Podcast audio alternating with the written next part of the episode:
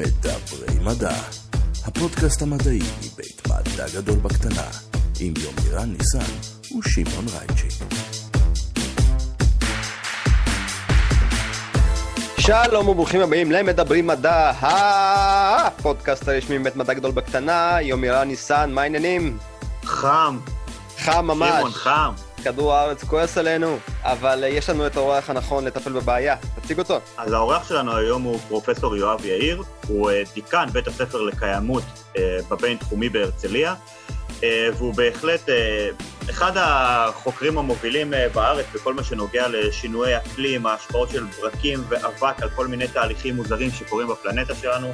הבאנו אותו לפרק באמת על קצה המזלג לדון בנושאים האלה, וזהו, הגיע הזמן לצלול. הולך להיות פרק מחשמל, הבנת מה עשיתי שם? זה הזמן להתחיל. מה לעשות? דבר מדע. נכון. פרופסור יואב יאיר, שלום, ברוך הבא לפודקאסט, מה שלומך בצהריים חם, חמימים אלו? נעימים.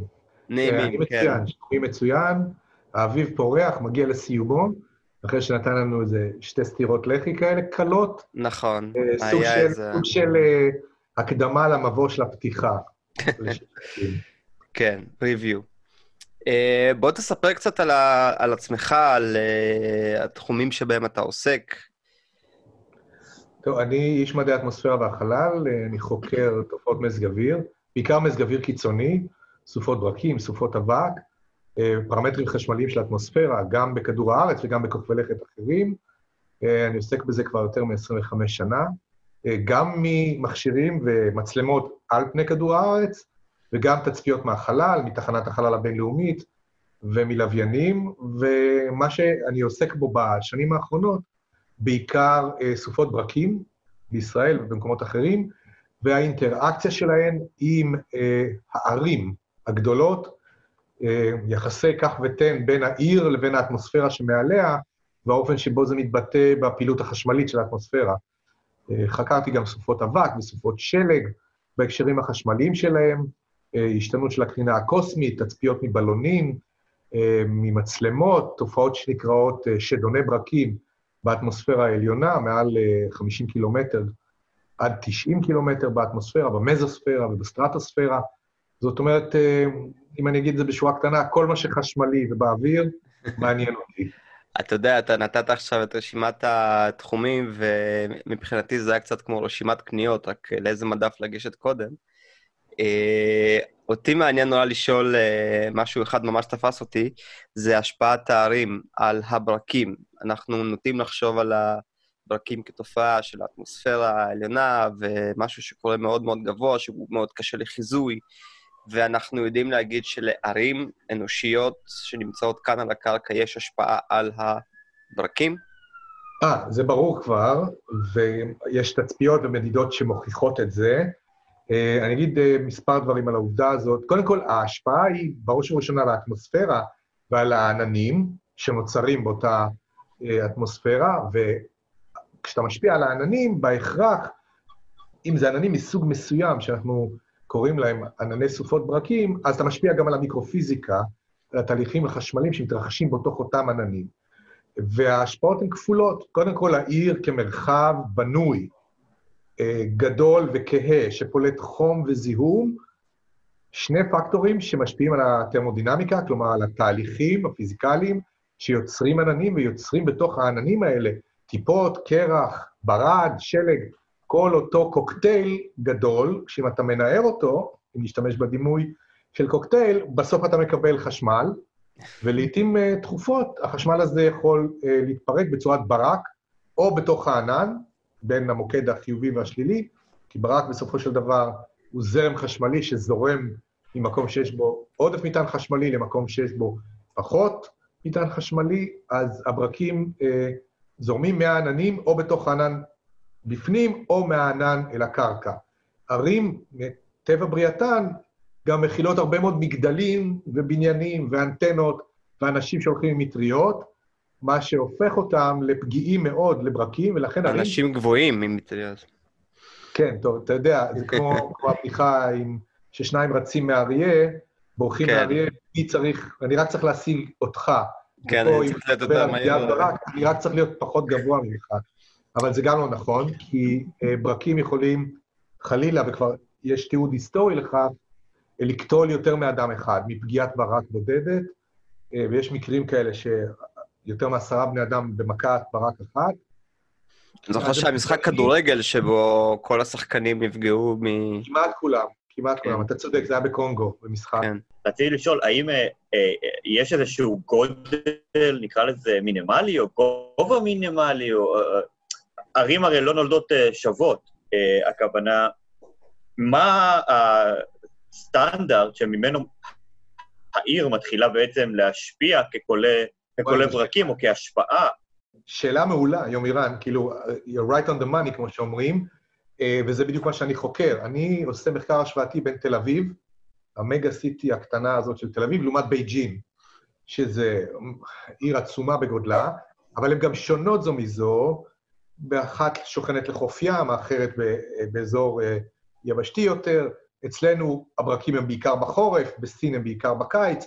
זאת אומרת, יש פה הרבה מאוד גורמים, ואתה צודק, לא כל עיר משנה את סביבתה באופן כזה שאחר כך אנחנו רואים שינוי בהתנהגות הברקים, או מעל העיר או במורד הרוח, להיכן שהעננים ממשיכים בתנועתם ובזנבה של העיר. אז יש גודל מסוים של שטח בנוי ושל אה, כמות פליטות של זיהום ו... אה, נגיד, אנומליה טרמלית, כלומר, בכמה העיר חמה מהסביבה שלה, מה שבוודאי שמעתם, ואולי חלק מהמאזינים מכירים, אפקט אי החום העירוני, The Urban Heat Island Effect. הערים פולטות חום, מעצם זה שהן בנויות ומכילות אנשים ומכוניות, מפעלים ומזגנים, כל זה הופך את העיר לחמה מסביבתה. אני חושב שכל אחד מהמאזינים שלנו, שנוסע בערב קיצי בהיר ויוצא ממרחב בנוי אל אזור כפרי יותר, מיד מרגיש בירידה חדה בטמפרטורה של לפעמים 2 עד 3 מעלות. אז כשזה, כשאתה מסתכל על זה במבט כולל, על ערים גדולות, אני מדבר בסדר גודל באמת של, של פריז, של ניו אורלינס, של uh, היוסטון בארצות הברית, ניו יורק, uh, אטלנטה, אלה ערים שכבר יודעים וממפים באמצעות uh, פשוט תיעוד היסטורי של כמות הברקים והאופן שבו הם מתפזרים בסביבות העיר ומעליה, אז רואים ממש, אה, אני חושב שיש ממש מחקר מעניין באטלנטה, שמראה איך שהעיר גדלה, וגדלו כמויות הברקים בעורפה של העיר. זאת אומרת, העננים מגיעים, סופגים את מה שהעיר נותנת להם, ואחר כך יוצרים גם גשם, אגב, וגם ברקים אה, בעוצמה גדולה יותר, מעל אזורים מסוימים, אה, בהתאם לטופוגרפיה ולסינופטיקה באותם אזורים. זה נושא אה, מאוד מאוד מעניין, והסיבה היא לא רק, כמו ששמעון אמר, על, על אה, פגיעות בנפש, אלא בהיותנו חברה טכנולוגית, אה, אלקטרונית, אם תרצה, אנחנו מאוד מאוד רגישים ליציבות של רשת החשמל שלנו ושל התעשייה שלנו. ואנחנו יודעים שפגיעות ברקים יכולות לגרום נזקים לא מעטים. בנוסף לזה, אה, ענני סערה שמייצרים ברקים מסוכנים מאוד לתעופה ולשיט ולמתקנים אסטרטגיים, כמו למשל טורבינות רוח, או תחנות כוח, או אסדות קידוח. במילים אחרות, אתה לא רוצה שיהיו הרבה ברקים באזורים איפה שאתה מחזיק, מחזיק נכסים שלך, ולכן אה, במובן מסוים אה, חשוב מאוד לדעת ולהתריע איפה הולכות להיות סופות ברקים. ואני רוצה להגיד, אה, שמעון, אתה אולי רמזת לזה מקודם, דווקא יש לנו היום יכולת להתריע, לפעמים אפילו בטווחי זמן ממש קצרים, שמאפשרים לנקוט איזה שהן פעולות כנגד הפגיעתה, הפגיעתם הרעה של uh, ברקים. אתה חייב להגן על המערכת שלך, ולכן היכולת לחזות מראש היכן ומתי יהיו ברקים, היא היום הופכת להיות איזושהי דרישה, איזושהי. כן. דרישה, לא רק משדות תעופה ויחידות בקרה שצריכות לשמור על המטוסים ועל בטיחותם, אלא גם מ... אפילו תחשוב על זה, ברמה של uh, ראשי ערים, או מנהלי מפעלים, מנהלי חברות הייטק, שרוצים לדעת אה, מתי ואיך יקרה משהו שיכול באמת להיות מסוכן ליישום שאותו אני רוצה להפעיל. ולכן, אה, לאחרונה ממש פורסמה, אה, פורסם מחקר של קבוצה משוויץ, מלוזאן, שפיתחה יכולת לתת חיזוי באמצעות למידת מכונה, Machine Learning, אה, על ידי איסוף נתונים מטאורולוגיים, כמו טמפרטורה, לחות, רוח, לחץ. המכונה כבר למדה איזה צירופים של הפרמטרים הללו הם מנבאים את ההסתברות לברקים, והם נתנו בדיוק של 80 אחוז תחזית מדויקת לקיומם של ברקים 30 דקות קדימה. לטווח 30 קילומטר, לטווח 30 קילומטר. זאת אומרת, אם יש לך עיר, ואתה נותן את הנתונים המטורולוגיים שלה ל-Machine Learning הזה, התוצאה תהיה כמעט בזמן אמת תחזית ל-30 דקות קדימה, אה, בדיוק מאוד מאוד גבוה, 80 אחוז זה דיוק פנומנלי, לדעתי, והוא ישתפר בעתיד. אה, איפה ומתי יהיו ברקים? שזה... יש לי משהו, עוד איזושהי נקודה, שדיברו עליה לא מעט, אה, הדבר העיקרי שהיה בכותרות לפני ההתפרצות של נגיף הסארס 2, היה בעצם שריפות הענק באוסטרליה, ואני זוכר שראיתי בכל מיני מקומות חוקרים שהתראיינו בעצם על העניין שה, אה, שברקים לקחו חלק מאוד מאוד אקטיבי אה, בשריפות, השריפות עצמו, עצמם יצרו זיהום אוויר מאוד משמעותי, עננות אבק מאוד גדולות שעלו בגלל כל מיני רוחות, וזה יצר בעצם איזשהו סוג של אה, מיקרו-אקלים שיצר שריפות חדשות ונוספות בגלל הפגיעות של הברקים. עכשיו, נכון, אם אני מבין נכון, יש פה גם השפעה מאוד מאוד משמעותית. אני הייתי אחד מהמומחים שהתראיין על העננים האלה ועל העובדה ששרפות יער, בהינתן שיש תנאים מטאורולוגיים מסוימים, כמו לחות מספקת בגבהים בינוניים באטמוספירה, יכולים להביא להיווצרות של עננים מהסוג שאנחנו קוראים פיירו-קומולונימבוס. העננים של סופות הברקים הרגילות נקראים קומולונימבוס. אתה רושם, יו מירן, שם של להקה. הפיירו, פיירו, לגמרי. זה, אגב, זה כמובן אה, קידומת שידועה מהתחום של אה, שריפות, פירומנים. אה, הפיירו-CB מכיל לתוכו כמויות גדולות מאוד של עשן, חלקיקי פיח ופליטה משרפות היער, חלקה גם אבק במקרים מסוימים, והללו טוענים את הענן הזה בעוצמות כאלה שהוא בעצמו מייצר ברקים חדשים, שיכולים להדליק את השריפות הבאות. יש פה מנגנון שמחזק את עצמו וגורם לכך שיהיו עוד ועוד אה, ברקים מהשריפה עצמה.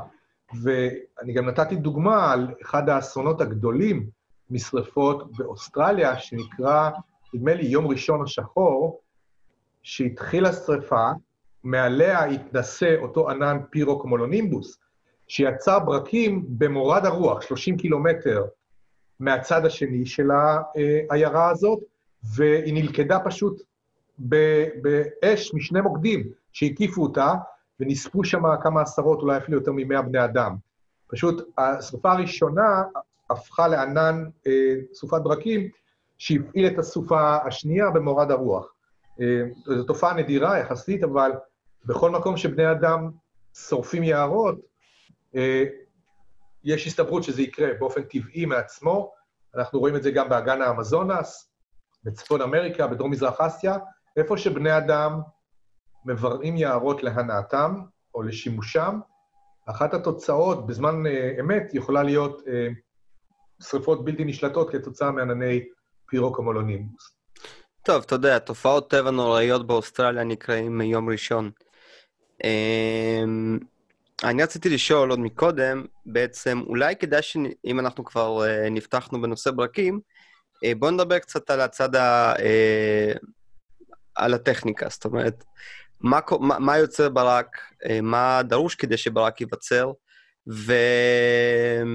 ובכלל, זו תופעה מדהימה, תופעה שאנחנו צופים בה גם בכוכבי לכת אחרים, uh, והיא סופר מעניינת בפני עצמה. נכון. לא, ברק זה ניצוץ חשמלי מהיר, מתפרק תוך כמה אה, אלפיות השנייה. אה, במקרים נדירים יכול להיות חצי שנייה, או ברק ארוך מאוד, אני חושב שהשיא הוא שלוש שניות, אבל בעיקרון זה תמיד פחות מחצי שנייה. זה זרם חשמלי שזורם בין ענן לקרקע או בתוך העננים, והוא נוצר מזה שבתוך הענן עצמו נבנה שדה חשמלי מאוד מאוד חזק, שיכול להגיע למאות אלפי וולט למטר, אפילו למיליון וולט למטר, אה, כאשר אני רק אתן דוגמה, עכשיו אם אתם תצאו מהמשרד אה, ותמדדו את השדה החשמלי באטמוספירה, בגובה פני השטח, ביום נאה כמו היום, הערך הוא בערך 130-140 וולט למטר. בזמן סופה אנחנו מקבלים הגברה של השדה הזה לערכים פנומנליים, עצומים, מה שגורם לאוויר, שבדרך כלל הוא מבודד מבחינה חשמלית, האוויר אינו מוליך חשמל, כאשר אתה אה, שם אותו בין אזורים שבהם יש מטען חשמלי מאוד מאוד גבוה, האוויר נפרץ והופך למוליך חשמלי, ואז נקבל ניצוץ, פשוט זרם. הזרם יכול להגיע לעוצמות כבירות. זאת אגב אחת התופעות שאני חוקר עכשיו, למה יש ברקים שאנחנו קוראים להם סופר ברקים, שהם פי אלף יותר חזקים מהברקים הממוצעים. ברק ממוצע יכול להגיע ל... נגיד, עשרת אלפים אמפר, שלושים אלף אמפר, במקרים נדירים, חמישים אלף, אבל יש ברקים שהם מאה אלף או מאתיים אלף אמפר. ואין זה... אמצע? זאת אומרת, זה או ברק רגיל או סופר ברק? לא, יש, יש התפלגות גדולה של, של mm. עוצמות ברקים, רוב הברקים הם חלשים, אה, אבל, אה, והברקים החזקים הם נדירים, זו התפלגות די אה, גאוסיאנית. אתה יכול לשאול מה, מה גורם לברקים רגילים ולמה יש ברקים סופר חריגים. אני מת שתספר כבר. מעניינות, אני, אני ממש נמצא עכשיו ב, באמצע של מחקר שמנסה לענות על השאלה הזאת, למה יש ברקים חריגים. פורסם ב-2019 מיפוי של איפה בעולם יש את הברקים הכי חזקים. ממערכת גלובלית שמנטרת אה, עוצמות של ברקים, שנקראת WWLLN, World Wide Lightning Location Network, שכל אחד מהמאזינים יכול להיכנס לאתר שלהם ולראות בזמן אמת כמעט איפה בחצי שעה האחרונה היו ברקים. עכשיו, הם עשו ניטור של הברקים בכדור הארץ, והם מצאו איפה האזורים שיש בהם הכי הרבה ברקים חזקים, שהם מגדירים אותם מעל אה, שני ספים, או 100,000 או 200,000 אמפר, והפלא ופלא, מזרח הים התיכון, בחורף, אזור מועד לפורענות, עם ברקים אדירים, שעל זה הצית את סקרנותי, ואני עכשיו חוקר, ויש לי השערה, אה, ואני בוחן אותה עכשיו באמצעות אה, תצפיות ומודלים מתמטיים של סופות ברקים, ואם אני אוכיח שאני צדקתי, אז אני גם אפרסם על זה מאמר. אני מקווה. נהדר. אתה, אתה מעלה השערה, אתה מנסה לתקף אותה, ובסוף אה, לפרסם ולהביא את זה לקהילת המדע. אה, זה באמת מסקרן, זו תעלומה. אני יכול להגיד שהברקים הללו נקראים ברכי על, סופר בולטס. כאילו, קטגוריה באמת קיצונית, ואנחנו מנסים להבין למה ומדוע ומתי. כאילו, באיזה סופות, האם יש סופות שהן מועדות יותר לסופר ברקים שכאלה, או שזה אקראי לגמרי, ובכל יום נתון, בכל סופה נתונה, אתה יכול לקבל פתאום ברק של 150 אלף אמפר, שיתגן לך את כל ציוד ההקלטה ואת כל המחשבים בבית, וגם uh, יכול לעשות... Uh, כן, כן עוד, עוד, עוד תופעות. אגב, נכנסתי בינתיים לאתר של WWLLN, וזה אחלה screensaver פשוט לשים את אחת המפות פה. זה מהפנט וכיף. נכון? כי הם שמו באתר הזה על תמונת לוויין בתת כן. הדור, זמן אמת, את נקודות הברקים בתכלת או בכחול, ואתה יכול לראות איך הברקים נוצרים איפה שיש סופות. כן. כן, אגב, המכונות הכי גדולות בעולם לייצור ברקים הן הסופות הגדולות, כמו הוריקנים, טייפונים, אה, שבהם באופן אה, מסורתי, אה, בעצם תהליך היצירה של הסופות הגדולות האלה, אתה מקבל ענני ענק של גובה 15-18 קילומטר, ושם יש לך טורבין, טורבינת חשמל שמייצרת קצב ברקים פנומנלי ממש. מה, מה בעצם גורם לזה? החיכוך בין החלקיקים שמייצר את ה... אה, שגורם למטען להיצמד אה, בקבוצות אז מה שאתה, מה שאתה העלית זאת התפיסה היוונית, האפלטונית הקדומה, על מקור החשמל. ככה אני בן אדם קלאסי, תשמע. כן, ניאו-קלאסי, אבל uh, באמת הרבה מאוד שנים זה מה שחשבו, אריסטו ואפלטון uh, טענו שהם הכירו בכך שברק נוצר בתוך עננים ושהוא נראה כמו ניצוץ. ומה שהם הכירו זה כשאתה מחכך אבני צור, אתה מקבל גם ניצוץ. אז הייתה אנלוגיה, בנג'מין פרנקלין הראה שזה עובד אחרת, ובניסויי מעבדה, בסימולציות, אנחנו סבורים שמה שקורה בתוך עננים כאלה זה שזה לא חיכוך, אבל זה התנגשויות והתרסקויות של גבישי קרח, שלג וברד, אלה באלה, אני מדבר על טריליוני התנגשויות בשנייה, שגורמות כל התנגשות כזאת להפרדה של מטענים, זה מזה. טוב, על זה אני דיברתי, אני לא דיברתי על חיכוך ויצירת ניצוץ, אלא אה, דיברתי על חיכוך וחשמל סטטי, כמו שאנחנו מכירים מסטאר ובלונים. נכון, אז זאת הטעינה, זה לא חשמל סטטי, זה חשמל דינמי, כי החלקיקים נמצאים בתנועה בתוך הענן, ובסוף אתה מקבל מעין מבנה של סוללה, אם תרצה, עם פלוס ומינוס ופלוס ומינוס, וכאשר השדה החשמלי בין פלוס למינוס באיזשהו אזור בענן עובר סף מסוים של נגיד מיליון וולט למטר, טאק, אתה מקבל את הניצוץ החשמלי וזה הברק.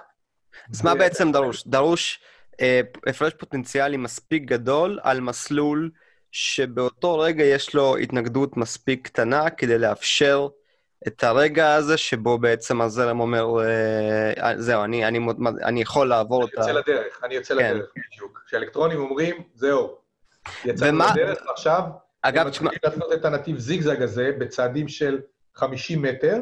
אגב, היום יש מצלמות שיודעות לצלם מיליון פריימים בשנייה, ואתה רואה את הברק בסלואו מושן, איך הוא מתקדם. זה תהליך די כאוטי, בגלל שהאטמוספירה איננה הומוגנית, ולכן פרופיל המוליכות, מה שאתה אמרת בצדק, the path of least resistance, כן. נתיב ההתנגדות המועטה ביותר, שדרכו הזרם החשמלי ילך, הוא אקראי לגמרי. זאת אומרת, אתה יכול לראות את הזיגזג הזה שכולנו מכירים, בסלואו מושן ולראות את הקפיצות שהברק עושה.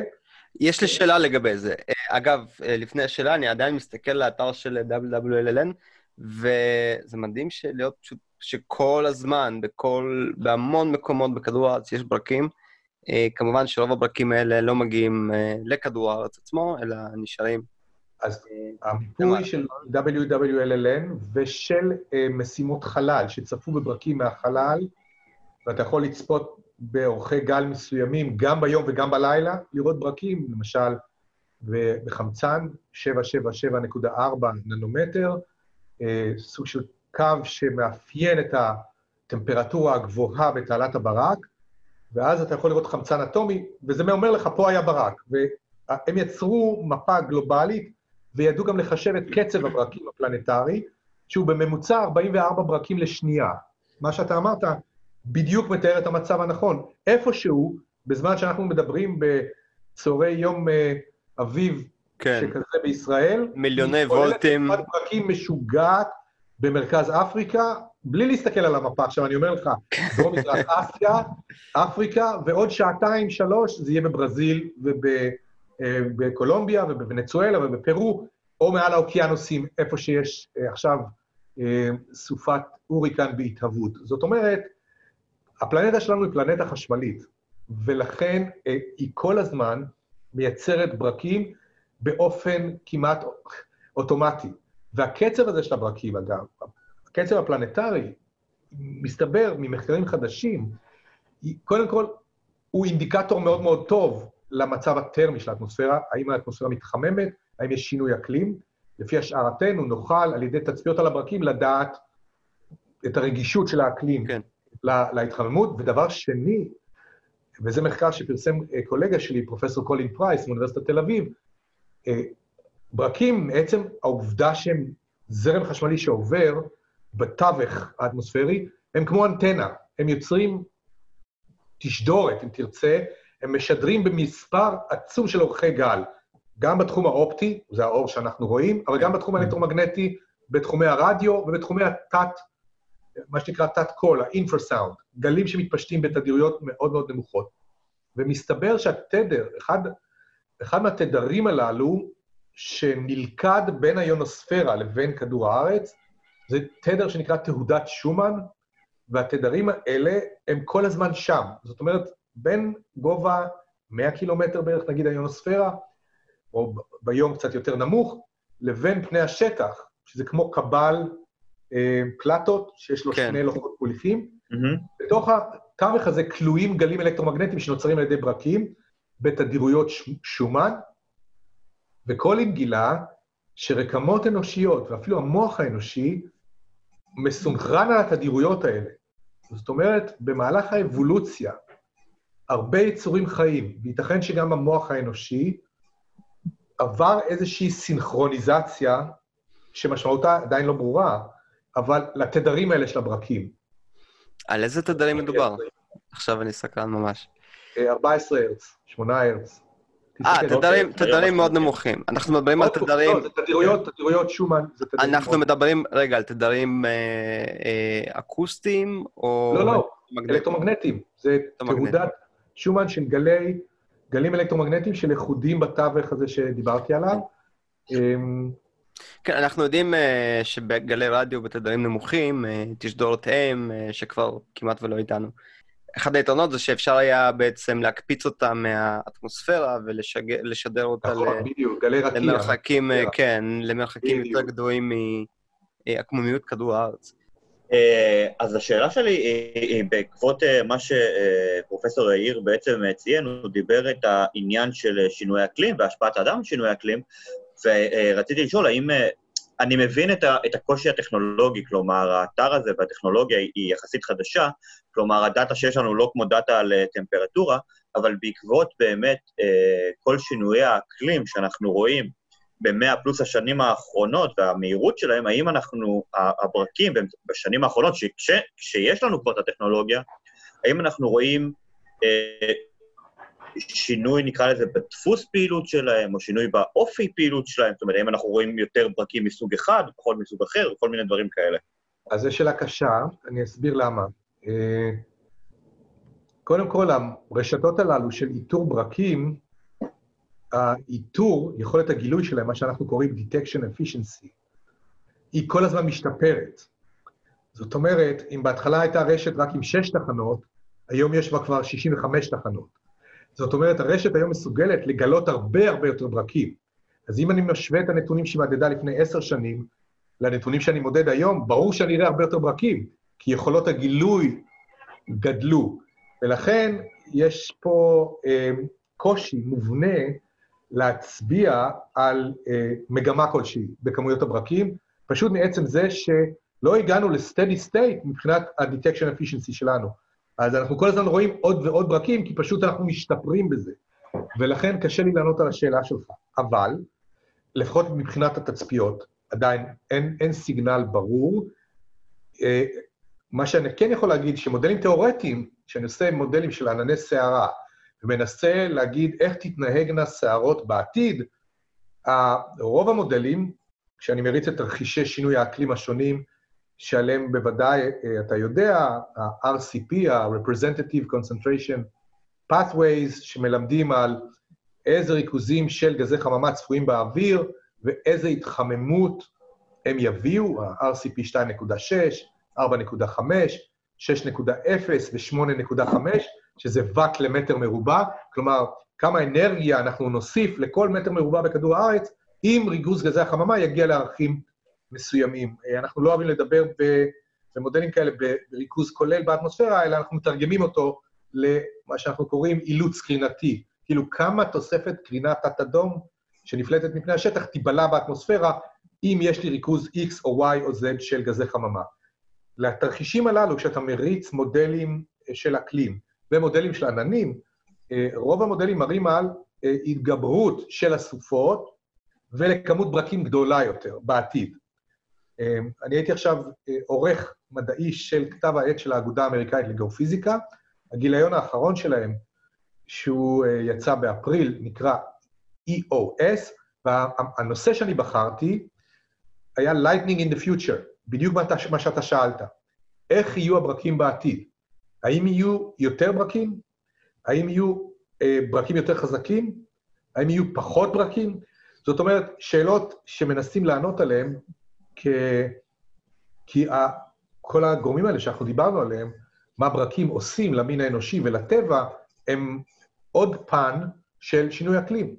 אתה רוצה לדעת אם יהיו יותר ברקים באזורים טרופיים ויהיו שם יותר שרפות יער, מה זה אומר, למשל, על יכולתם של יערות העד להוות סינק לפחמן, כן? שאנחנו תמיד סומכים על הפוטוסינתזה של האמזונס, הריאה הירוקה, אה, שבולסונרו עכשיו אה, כנראה עובד נגדה, לא משנה.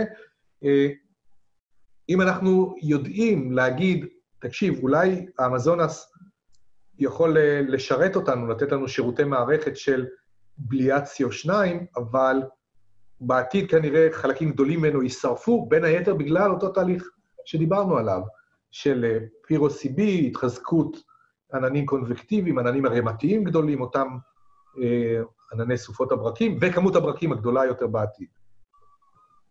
גם ליערות האמזונס, או בכללי ליערות אה, כל כך גדולים ועצומים, יש אה, מה שנקרא גם סביבה אקלימית משלהם, שהם מייצרים לעצמם את הסביבה האקלימית, זה נשמע ש...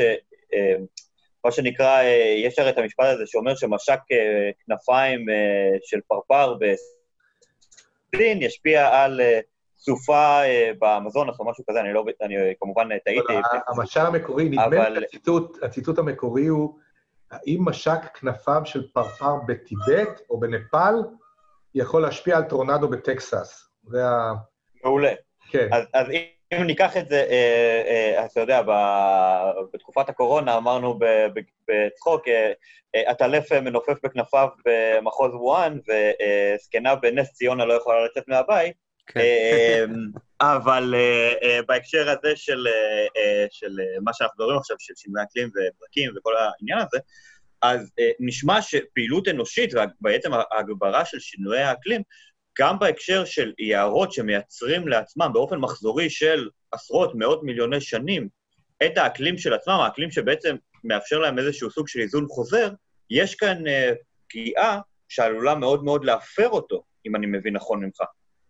אתה מבין לגמרי נכון, ואני רוצה דווקא לקחת את הזווית שאתה התייחסת אליה, עם הטלף והקורונה, ואני חושב שמה שמגפת הקורונה והסגר בעקבותיה, לחודשיים האלה, שהכלכלה האנושית לחצה ברקס בבת אחת, מה שהראה לנו, ואני חושב שאתה יודע את זה, וגם חלק מהמאזינים, ברור שראו את זה, אה, ברגע שאתה מסלק את ההשפעה האנושית, תעופה, תעשייה, תחבורה, קורים בבת אחת כמה דברים.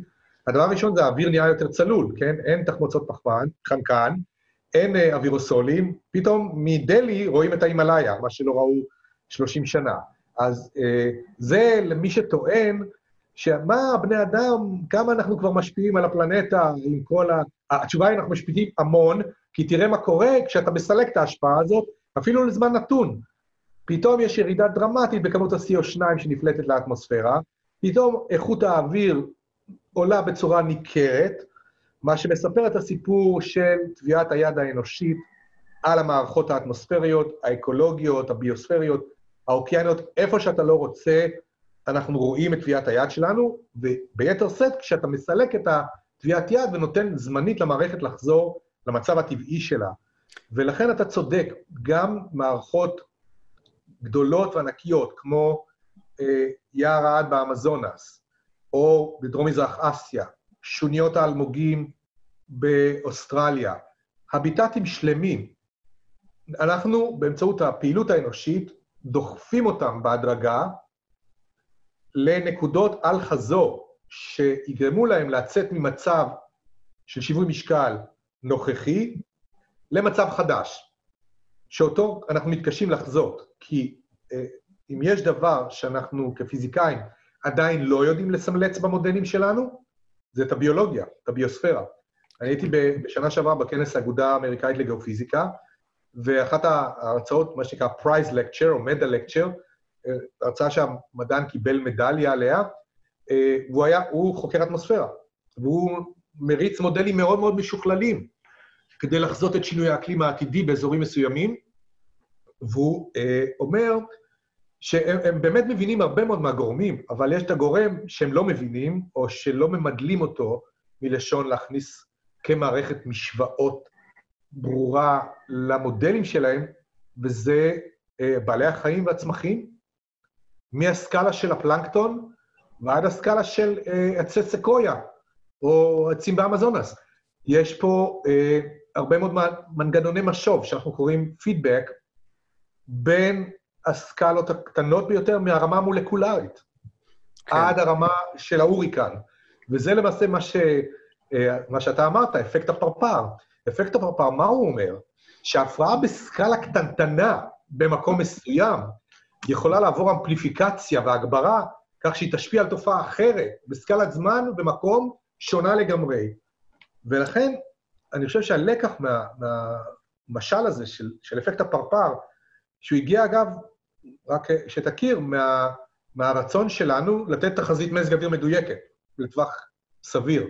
כן. למה אנחנו לא מסוגלים לתת תחזית מזג אוויר בצורה אבסולוטית ולהגיד, לעניינך, מחר ירד גשם בנס ציונה, בתשע בבוקר. לא מסוגלים לעשות את זה. אפילו עם כל מחשבי העל והמשוואות וההבנה שלנו של תהליכים, כי אנחנו לא מכירים את כל תתי הרזולוציות, לא מסוגלים לרדת לרזולוציות האלה. אגב, אתה יכול לטעון בצדק שאולי לא נדרש לרדת לתתי הרזולוציות האלה, אבל אה, בהקשר של חיזוי אקלימי ולדעת לאן הפלנטה הזאת הולכת, אה, כן. מערכת, מערכת כאוטית, מערכת כאוטית, מערכת ש... לא, אני אגיד, היא לא כאוטית לגמרי, היא לא כאוטית לגמרי, אבל יש בה אה, פרמטרים שאנחנו לא יודעים להבין עד הסוף, ולכן הם נראים לנו כאוטיים. כן. אה, אם הייתי מבין אה, מה, למשל, הלבנת האלמוגים בשונית הגדולה באוסטרליה, והמוות המסיבי שזה גורם שם לאלמוגים, איך זה ישפיע על המים, על המליחות של המים, על ה-pH של המים, על הטמפרטורה. האם זה יכול לחולל לניניו? האם זה יכול להשפיע על הטייפונים שנוצרים שם? אה, אנחנו עוד לא שם. וזו אחת הסיבות שבעיניי מדע, בייחוד מדע אינטרדיסציפלינרי, כמו אקלים, הוא, הוא אחד התחומים הכי מרתקים והכי חשובים היום אה, אה, שאנחנו צריכים להתעסק בהם. חשוב לי רק לציין פה איזה משהו בהקשר באמת למה שנאמר. דיברנו גם בפודקאסט הזה, ממש מרמת, ה, אם אתה זוכר, שמעון, עם אה, אה, דוקטור האריס מ-MIT, על פוטוסינתזה ברמה כן, של, אה, של אנטנה מולקולרית של ציאנו-בקטריה, שאחראית לאיזה 30 אחוז מהחמצן שאנחנו אה, נושמים. מעכשיו, בפרק הזה, עם פרופסור הירש, אנחנו בעצם מדברים על אה, סקאלה גלובלית כבר, על סקאלה, אה, על מקרו אה, סקאלה, זאת אומרת, של אה, ג'ונגלים שלמים, או של יבשות שלמות אפילו, אה, שמשפיעים ברמה מטורפת, ו- וכל הדברים באמצע, בין אם זה בעלי החיים שאחראים על הפצה של זרעים, ובין אם זה אה, גלים שאחראים על אה, הפצה של אה, אה, פלנקטון או ציאנו-בקטריה באוקיינוסים, הכל הכל סוג של מערכת אולטרה מורכבת. אני לגמרי... מה שבאמצע מאוד מאוד קשה לנו... אתם צריכים להכיר את זה בוודאי. לעמוד. תיאוריית גאיה של לאבלוק ומרגוליס. תיאוריית גאיה, שהייתה בשנות ה-70, נחשבה תיאוריית שוליים, פרינג', שאמרה בדיוק את מה שאתה אמרת עכשיו, שכל המערכות קשורות זו בזו ומשפיעות זו על זו, אה, והביוספירה גורמת לאיזשהו תהליך ויסות אוטומטי של האטמוספירה והאוקיינוסים, על מנת שתיווצרנה סביבות חיים ותנאי חיים אופטימליים לביוספירה עצמה. למשל, הפלנקטון פולט דימטיל סולפיד, איזשהו גז, שמתעבה מעל האוקיינוסים, הופך לגרעיני התאבות, שנכנסים לעננים שממטירים אה, גשם, ושמווסתים את הטמפרטורה מעל האוקיינוסים, כך שהפלנקטון יוכל לשרוד. אתם מבינים אה, שהאוקיינוס לא יהיה מלוח מדי, שלא תהיה התאדות גדולה מדי, וכביכול יש פה איזה תהליך אוטומטי של רגולציה של התנאים החיצוניים שמאפשרים לביוספירה לשרוד. עכשיו, במשך עשרות שנים התיאוריה הזאת נחשבה תיאוריית פרינג' בגלל שלא הבינו לעומק את אותם הקשרים מהסקאלה שאתה דיברת עליה, המיקרוסקופית או התאית אפילו, והסקאלה הפלנטרית של הסופות הגדולות. והיום אה, תיאוריית גאיה הפכה ממש בעשור האחרון לתחום שנקרא Earth System Science, מדע מערכות כדור הארץ. שמדבר על האינטראקציות המורכבות בין הקרח, הקריוספירה, שכבת הקרח, לגיאוספירה, לקרום הקשיח, הרי געש, אה, רכסים מרכז אוקיאנים, ההידרוספירה, מאגרי המים, האטמוספרים והאטמוספירה, כן? כמובן, והביוספירה, בעלי החיים. זאת אומרת, כל המערכות האלה, כל הספירות הללו, קשורות, שזורות זו בזו, והפרה קיצונית בספירה אחת, כמו שהמין האנושי עושה, אולי המילה קיצונית היא שיפוטית מדי, אבל בוא נגיד הפרעה בעלת עוצמה, שהמין האנושי עושה כבר במשך עשרות שנים לשאר המערכות, אה, מביאה לאיזושהי אה, תגובה במערכות הללו, שחלקם, אה, חלקן של התגובות האלה הוא באמת יכול להיות קטלני, או סופות הוריקן איומות, וכל מה שאתה צריך זה הוריקן אחד דרגה חמש, ואתה מחזיר את ניו אורלינס לעשר שנים אחורה, כן? זה כל מה שצריך. זה משתמע. יצא מזה אחלה סדרת טלוויזיה בזמנו. תרמה, אם ראיתם. זה מביא אותנו אולי לנושא אחר, שאולי תרצו לדבר עליו בזמן שנותר, וזה האם אנחנו יכולים להתגונן מפני השינויים הללו בצורה יזומה, ואולי להתערב בהם. אני רק אומר על תורת, תורת גאיה, לבלוק כתב ספר שנקרא Revenge of Gaia, שבו הוא דן כביכול בנקמה של, כן. של המערכות הטבעיות נגד המין האנושי שגורם להפרעה. ויש האומרים, יותר מאחד, שה-COVID-19 הוא סוג של Revenge of Gaia, הבאנו אותו על עצמנו. הבאנו אותה על עצמנו. למה? אתה אמרת, מישהו אכל את הלף באיזשהו כן. שוק. גם הנושא הזה, אגב, עלה בפודקאסט, אה, בדיוק הנקודה הזאת של אה, התרבות האדם. אגב, תשמע, מה זה נקמה? אתה יודע, זה קצת כמו בסרט מצויר, שאתה נותן מכה חזקה לשק אגרוף, ואז אתה מבסוט, ואז השק אגרוף אה, חוזר אליך וחובט לך בפרצוף. זה לא נקמה, זה... לא, לא, נקמה זה כמובן כן, מזווית המבט כן, האנושי. בזווית המבט, אתה יודע, אם נצא רגע מהתחום של אנחנו כבני אדם, נסתכל על זה כצופים על הפלנטה מבחוץ, כן? כן. זה רק השבה של הסדר הטבעי. נכון. כמו כל מערכת אקולוגית, אם יש לך יותר מדי טורפים, אז הנטרפים מחוסלים, ואז הטורפים מחוסלים. הטורפים מחוסלים. אה, באופן, אה, אני יותר כאילו, פחות מסתכל על זה מההקשר הפילוסופי, אלא יותר מההקשר, נקרא לזה, של החוק השלישי של ניוטון, שלכל פעולה למערכת תהיה פעולה שווה בעוצמתה. כן. וכש... וכשבעצם, כשדיברנו כמה אה, מרואיינים אה, קודמים בדיוק על הנושא הזה, אה, דבר ראשון, אני רק רוצה לנקות את העטלפים בתור חוקר עטלפים. הווירוס ככל הנראה עזב, עזב את העטלפים איפשהו לפני 30 עד 70 שנה, לפי המודלים הביו-אינפורמטיים שיש לנו כיום. זאת אומרת, הוא עבר איפשהו באמצע אצל בעלי חיים אחרים, ואז הגיע לבני אדם. זה דבר אחד. דבר שני, שחשוב לציין, זה ההקשר הזה של ככל שבני אדם יותר נכנסים ויותר הורסים ויותר פולשים אל עולם הטבע, ככה הסיכוי למחלות זואונוטיות, כלומר שנוצרות בבעלי חיים, לעבור לבני אדם גדל. עכשיו אני רוצה שנייה רגע לחזור uh, לנושא של uh, פרופסור uh, יאיר, שזה בעצם אקלים. ואז אז שתי שאלות שאני רוצה, שהתשובה אליהן היא, נקרא לזה דומה. דבר ראשון, איך אנחנו בעצם, איך עולם המדע הוכיח לעצמו, נקרא לזה ככה, או הראה לעצמו, ששינויי האקלים הם אשמתנו הישירה, בסקאלה שאנחנו רואים היום, ולא בסקאלה המחזורית הטבעית של כדור הארץ. והשאלה השנייה היא, האם כבר חצינו את נקודת האל-חזור, והאם אנחנו יכולים על ידי כל מיני פעולות כאלו ואחרות, לעצור את, לפחות לעצור את ההתקדמות שאנחנו רואים היום. אוקיי. Okay. אה, קודם כל, המצב של 417 אה, חלקים למיליון CO2 באטמוספירה, זאת אומרת שמכל מיליון מולקולות של אוויר, 417 הן של CO2, זה מצב ללא תקדים במיליון השנים האחרונות, אוקיי? וכשאנחנו ממפים ומשחזרים את ריכוזי הפחמן הדו-חמצני באטמוספירה ואת הטמפרטורה הממוצעת של הפלנטה שלנו, אז אנחנו רואים שלא הייתה במיליון השנים האחרונות תופעה כזאת והיא, ברור שהיא נובעת מהמהפכה התעשייתית ומשרפת דלקים מאובנים, זה ההסבר המתבקש וגם הנכון. אנחנו יכולים אה, לאושש ולקשור בין העלייה בריכוז גזי החממה באטמוספירה להתעצמותם של תהליכים אקלימיים על ידי ניטור ויצירת סדרות זמן ושימוש במודלים אה, מתמטיים שמנסים לשחזר את האקלים הקדום ולעשות את ה... מה שנקרא Factor Separation, עם CO2 מעשה ידי אדם וללא CO2 מעשה ידי אדם, ואז להשרות לתצפיות.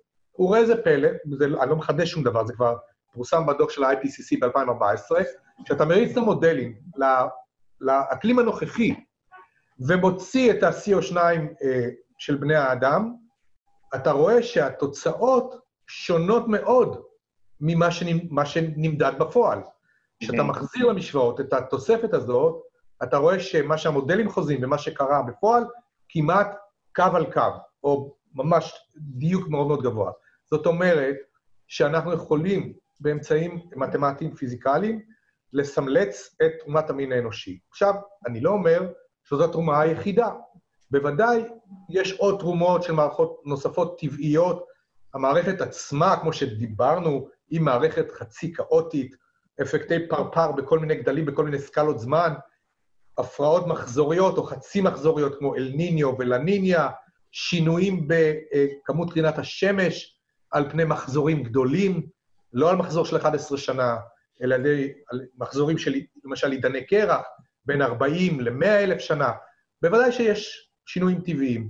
הטענה שלנו היא שעל גבי השינויים הטבעיים המחזוריים האלה, שאנחנו מכירים ויודעים למפות ולשחזר, יש סיגנל חדש, חזק וצלול, שהוא attributable, כלומר, חד משמעית, ניתן לייחסו לפליטת גזי חממה מסוגים שונים לאטמוספירה של כדור הארץ, ומנגנוני המשוב שנובעים מהם. יכול להיות אה, שעברנו את נקודת האל-חזור, אני מאמין שלא, זה, זה, זה עדיין לא ברור, כן? כן. כי אנחנו עוקבים בדאגה אחרי חלק מהתהליכים, למשל, אני קורא כמעט כל הזמן על אה, כמה ההפשרה בגרינלנד ובאנטארקטיקה מקדימה את המודלים הקשים ביותר. זאת אומרת, אנחנו משהו לא מבינים עד הסוף בהפשרה של קרח. ויכול להיות שגם התחזיות הפסימיות שלנו הן, הן אופטימיות. אני לא יודע. אני אומר, זה לא זמן להמר, אבל, על עתידה של על הפלנטה, כי התוצאות של ארבעת התרחישים הללו, 2.6, 4.5, 6 ו-8.5, הן מציעות עתידים שונים למין האנושי, שונים בתכלית. אין דין עתיד שבו אה, אנחנו חיים באקלים שהאטמוספירה בולעת עוד 2.6 ואט למטר מרובע, לעולם שבו המספר הוא 8.5 ומעלה.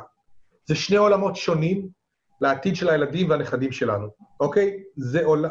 בתרחיש 8.5, כשמדברים על, אה, על אה, שנת 2100 או 2200, זה no ice planet. כוכב לכת ללא כיפות קרח בכלל, שזה אומר האלבדו הרבה הרבה יותר נמוך. כלומר, כמעט כל קרינת השמש שנכנסת, מחממת את הפלנטה ולא מוחזרת לחלל. מה שאומר משוב חיובי אה, חזק, אה, עם, עם שינויים דרמטיים במפלס מי האוקיינוס, בזרימת מערכות הלחץ, כמות המשקעים והפילוג שלהם, זה עתיד שאנחנו לא רוצים לראות. האם אנחנו יכולים להבטיח עתיד יותר ביניים, יותר רגוע, יותר סביר? התשובה היא די ברורה לדעתי, ואני חושב שלא תמצא מדעני אקלים. אני אומר מתוך קהילת מדעני האקלים, לא תמצא אנשים שיגידו לך, it's hopeless, נעזוב את זה, נעבור לטפל בבעיות אחרות, כמו האקלים של נוגה והאקלים של מאדים. לא, כמעט כולם יגידו לך, אם אתה תצליח לעבור תוך עשר שנים, חמש עשר שנים, למשטר אה, אנרגטי אחר, של אנרגיות מתחדשות, ולשנות את התמהיל של סל הדלקים, כך שדלקים מאובנים אה, יעברו phasing out, שזו החלטה פוליטית, תעשייתית, כלכלית, ולא החלטה פיזיקלית. יש סיכוי שאנחנו אה, נצליח לרדד, לשטח את העקומה, ביטוי שהפך להיות פופולרי בעידן הקורונה, לשטח את העקומה של פליטת ה-CO2 לאטמוספירה. שמע, אגב... זאת הדרך האחת. יש הרבה דרכים, לפני שאנחנו מגיעים לפתרון הקיצוני של הנדסת אקלים, יש דרך שהקרן הקיימת בישראל כבר המציאה, והיא יישמה גם במדינתנו, והיא פשוט לשתול עצים. אם אתה עושה ש- שתילה מסיבית של עצים, בניגוד לתהליכים של בירור היערות שחלק מהמדינות עושות, אתה בעצם גורם לסילוק של CO2, שאולי יכול להדביק את הקצב שבו אתה פולט אותו, אוקיי? היה עכשיו סטארט-אפ. אפשר לשתול מספיק עצים בשביל לעצור את העלייה בריכוז גזי החממה. היה עכשיו פרויקט שתילת עצים אה, אינטרנטי, אני לא זוכר את הגוף שעשה את זה, אבל uh, הם גייסו מיליוני דולרים ל... ש- שבעצם הם uh, התחייבו שכל דולר ישתול uh, עץ, ואני גם זוכר שאילון מאסק תרם מיליון, אם אני לא טועה, וכן, אני חושב שהם עשו באמת uh, צעד מעניין, בעיקר צעד uh, תודעתי מעניין, אני לא חושב שהעצים שהם ישתלו לבד יהיה להם כזה אימפקט. אה, אבל דווקא בנושאים שציינת, אה, אני לא יודע למה אמרת את זה, שמעון, זאת אומרת, אה, שאתה לא חושב שיהיה להם אימפקט. אני פשוט- לא חושב שזה מספיק, אני לא חושב שזה מספיק. אולי לא מספיק, כן. צריך למדוד. מה שנגיד, אה, אנחנו יודעים כמה CO2 מקובע על ידי יער מסוג X, ופשוט לעשות את המכפלות. אם אתה שותל מספיק יערות, נותן לזה לעבוד מספיק שנים, אה, כן. אתה תוציא מספיק טונות חשוב CO2 מהאטמוספירה.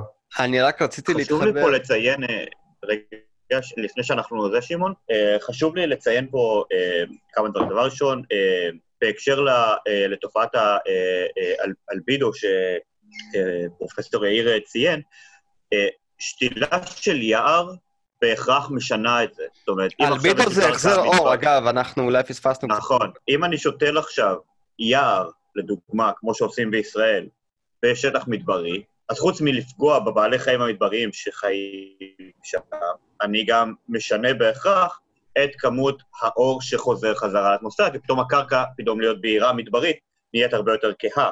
אז זה דבר אחד. הדבר השני זה שיער אדם נטוע, כמו שעושים בישראל בדרך כלל, לדעת הרבה מאוד אנשי שמירת טבע, זו דווקא פגיעה בטבע, כי הם הולכים על יער שצומח מהר, כמו יער, יער אורנים, והוא יער זול, ולא יער שמחקה את החורש הטבעי של אותו אזור, ולכן יש כאן פגיעה כפולה, כי גם זה הורס מינים וצמחים מקומיים, וגם פוגע בבעלי החיים שהתרגלו לחיות בסביבה הטבעית שלהם, ופתאום חיים ביער נטוע.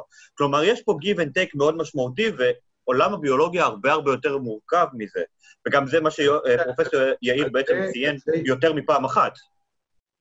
נכון, על זה הסכמנו. אני חושב שה-give and take, מה, מה קורה לביוספירה כשאתה מתערב בה בצורה מלאכותית, בסקאלה גדולה, כמו על ידי נטייה מסיבית, קודם כל, פיזיקלית אתה צודק, אתה משנה את האלבדו של שטחים גדולים מאוד בפני כדור הארץ, אבל אה, במידה מסוימת אתה יכול לפצות על זה, כי העננים שייווצרו מעל אותם יערות עקב הוואפוטרנספירציה, כן, הידי מים שהם ישחררו, אה, יקררו במידת מה את אותם יערות. זאת אומרת, יש פה חשבון שאפשר לעשות אותו בצורה Mhm. מדויקת. כן. כאילו, כך שהמטרה היא בראש ובראשונה, קודם כל, שיהיה לנו בכלל סביבת חיים שאפשר לדבר עליה ולהגן עליה, ואחרי זה לריב על ה biodiversity שלה. אם אנחנו ממשיכים ככה, אה, הוויכוח הופך להיות תיאורטי, יומירן. כן. לא, לא כן, יהיו, כן, לא כן. סלמנדרות ולא אה, לטאות ולא אנטילופות, לא יהיה על מי להגן פשוט. כי כשאתה מדבר על תרחיש שמונה וחצי, שזה אומר במדינות מסוימות טמפרטורה של 55 מעלות, אה, בואו בוא נדבר על אה, מי מהביוספירה שורד בזה. אתה מקבל פה survival of the fittest, כן. nobody will fit, לא במהירות שזה יקרה. יהיה ענן עטלפים ענק שיקיף את יומירן ויגן עליו מפני uh, שינוי אקלים. אבל uh, יומירן, תשמע, אתה מאוד צודק, גם אם, ה- גם אם עוסקים בשימור וגם אם עוסקים בהצלה, אפשר בקלות לעשות נזק, פשוט כי אם נכון. אתה עושה את זה לא נכון. אה, אני רק רציתי להגיד, בקשר למה שאמרת מקודם, על מזג האוויר במאדים, שמאוד מאוד בקרוב יכול להיות שהוא אה, יהפוך גם למזג האוויר שלנו, כי אנחנו חיים בתקופה, אה, בתקופה מאוד מעניינת. מהבחינה הזאת, שאגב, אה, אני רק רציתי לציין פשוט כי עכשיו בדיוק היה את השיגור של SpaceX, אה, שאגב, גם בצד השני שלה היא גם טסלה, שמעבירה אותנו לפחות אה, איזשהו צעד לכיוון אה, התרחקות מדלקי מאובנים. נכון. אז אה, נקודה מעניינת. שתי נקודות מעניינות, אני חושב. למחשבה ולדברים... הזאת. אנחנו יכולים לשוחח שעה שלמה נכון. על, על אה, האם להגר מפה ומתי. אה, במובן מסוים, אני מעורב בזה כי מעבר לסופות ברקים, אמרתי לך שאני חוקר סופות אבק, כולל במאדים, ויש לי ניסוי יחד עם פרופסור איציק קטרה מאוניברסיטת בן גוריון, שהולך להשתלב במשימת מאדים האנלוגית שתהיה במכתש רמון בנובמבר. אתם אולי מכירים את עמותת D-MARS, ופורום החלל האוסטרי, ניסוי שנקרא AMADEE 2020, שבו אנחנו מחקים אה, משלחת למאדים שחיה ב habitat במשך חודש בקרקעית מכתש רמון, ואחת התופעות שאני הצעתי לחקור שם ושהתקבלה הצעת המחקר, זה לסמלט סופות אבק. אחת הבעיות הקשות במאדים. אני קניתי חול ממאדים. אה, אתם לא תאמינו, אבל באוניברסיטת פלורידה מייצרת חול סינתטי שהוא בהרכב המינרולוגי של מאדים, ואני הולך ב, באזור הזה לעשות ניסוי של סופת חול מאדימית, אה, תאונת חשמל, באופן טבעי לגמרי היא תהיה תאונת חשמל.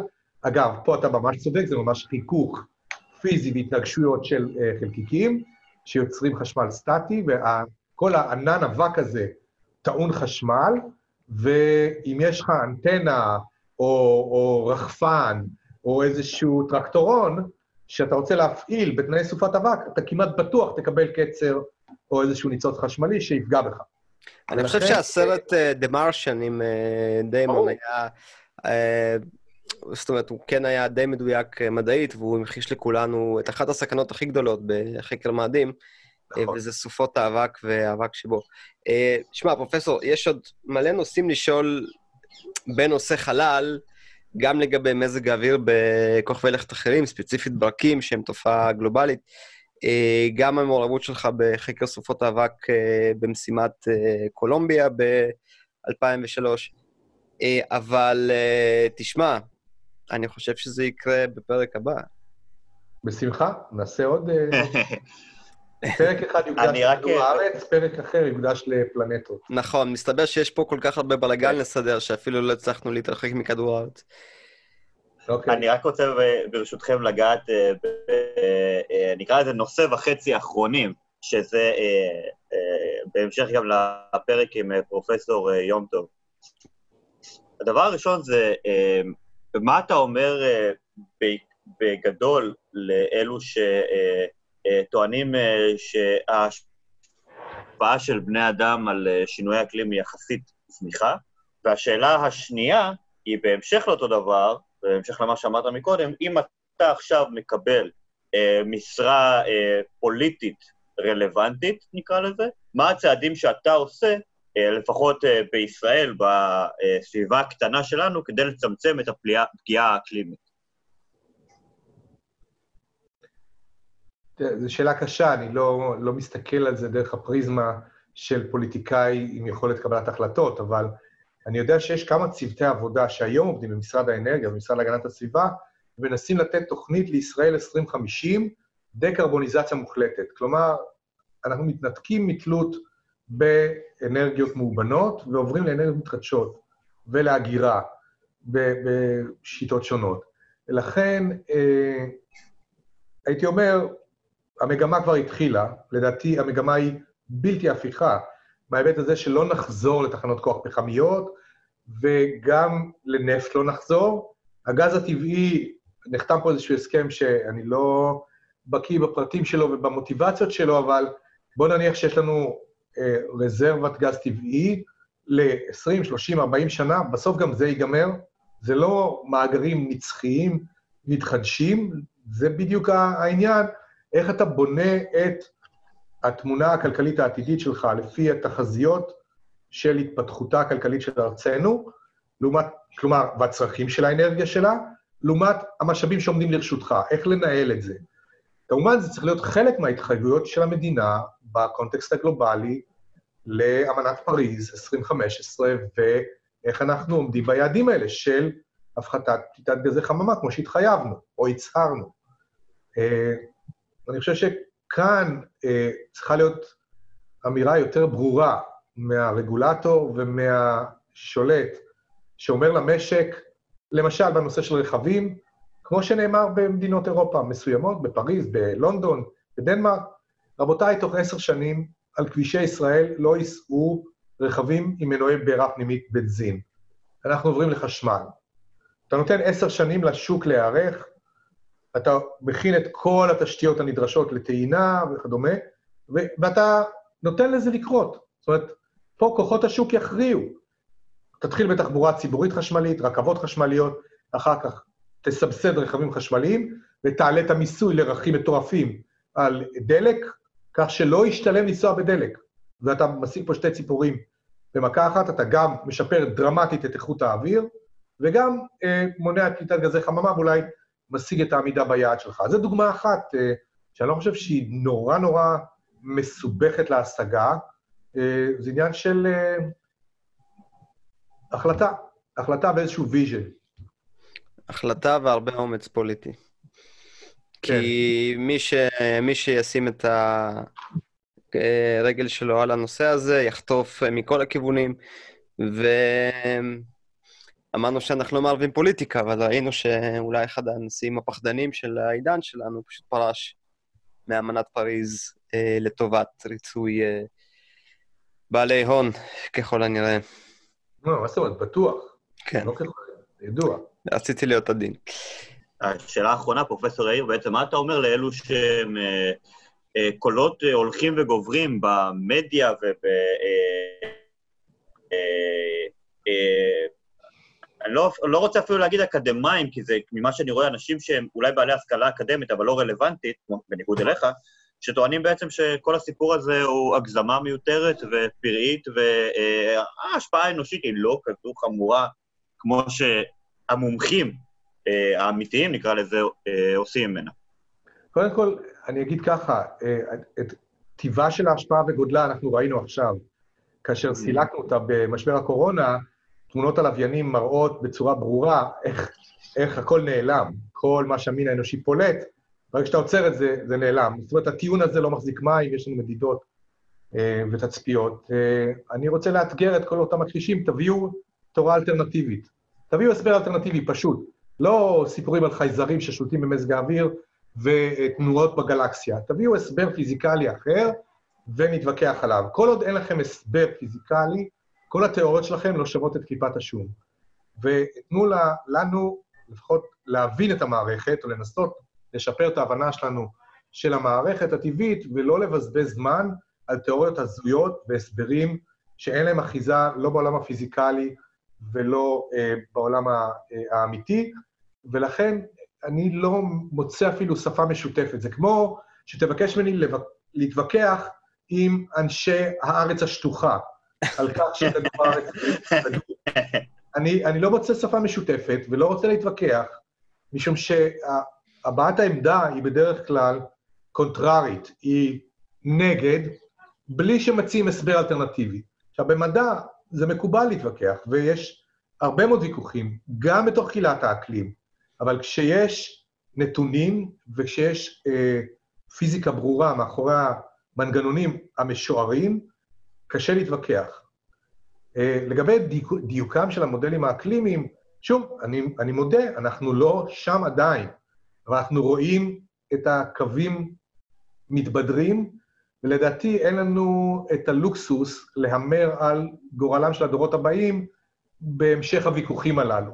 ולכן אני חושב שאין באמת ויכוח אמיתי, אה, יש אמפליפיקציה מלאכותית על ידי התקשורת, שתמיד אוהבת עימותים והתנגשויות, וכן, סוג של קרב, קרב גלדיאטורים. אני לא נכנס לזירה, היא לא לגיטימית בעיניי. אה, למשחק כזה, אגב, מי שעשה את זה יפה מאוד זה ג'ון אוליבר. אני ממליץ לכם לראות את התוכנית שבה הוא הזמין את כן, כן. ביל נאי, אתם בטח מכירים את זה. ביל נאי, נגד מכחיש אקלים, ואז אמר, רגע, בעצם זה לא אחד נגד אחד, זה 99 נגד אחד, ואז הוא הביא עוד 99 מדעני אקלים לאולפן. שזה בערך הדיסקורס, אתם מבינים?